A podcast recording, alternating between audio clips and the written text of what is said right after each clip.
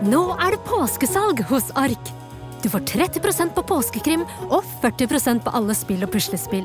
Jeg gjentar Ark har 30% på et stort utvalg krim og 40% på spill. Det er mye påske for pengene. Så hamstre påskekosen i nærmeste Ark-butikk eller på ark.no.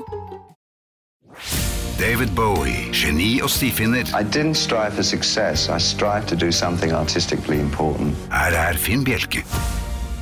Hvis jeg sier metrobolist, hva tenker du på da?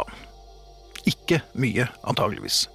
Men det kunne blitt navnet på David Bowies tredje LP, som kom i 1970.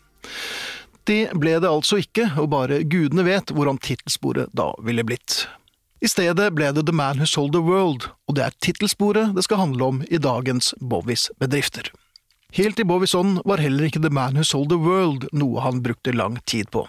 Mens produsent Tony Visconti satt utålmodig og ventet ved miksepulten, var Bowie i resepsjonen til Advision Studio og klorte ned teksten til den siste sangen i innspillingen av LP-en, det som altså skulle bli tittelsporet og etter hvert en legendarisk låt. Paradoksalt nok var dette hastverksarbeidet kanskje den beste teksten på LP-en. En LP som i eftertid ble kalt Bowies Heavy Metal-LP, mye grunnet åpningssporet The Width of a Circle, hvor gitarist Mick Ronson virkelig bruker hele paletten, og låter som She Shook Me Cold og den T-rex-aktige Black Country Rock. Men det skal altså dreie seg om The Man Who Sold the World, en tekst som mange har prøvd å tolke. Er den tuftet på science fiction-legenden Robert Heinleins historie The Man Who Sold the Moon, eller er den basert på diktet The Little Man Who Wasn't There? Mye i Bowies diskografi handler om fremmedgjøring og det å stå utenfor, så det er kanskje ingen dårlig tolkning. Bandet er kimen til det som senere ble kalt The Spiders. Den guddommelige Mick Ronson på gitar, Woody Woodmansey på trommer, og før Trevor Boulder kom og kompletterte The Spiders, trakterte produsent Tony Visconti bassen, som han også hadde gjort for Bowie tidligere. Men er eh, Bowie virkelig til stede i teksten, eller synger han om en annen versjon av seg selv? Jeg har funnet ut at det aller beste er å la Bowies tekster være som de er. Man skal ikke nødvendigvis forstå kunst.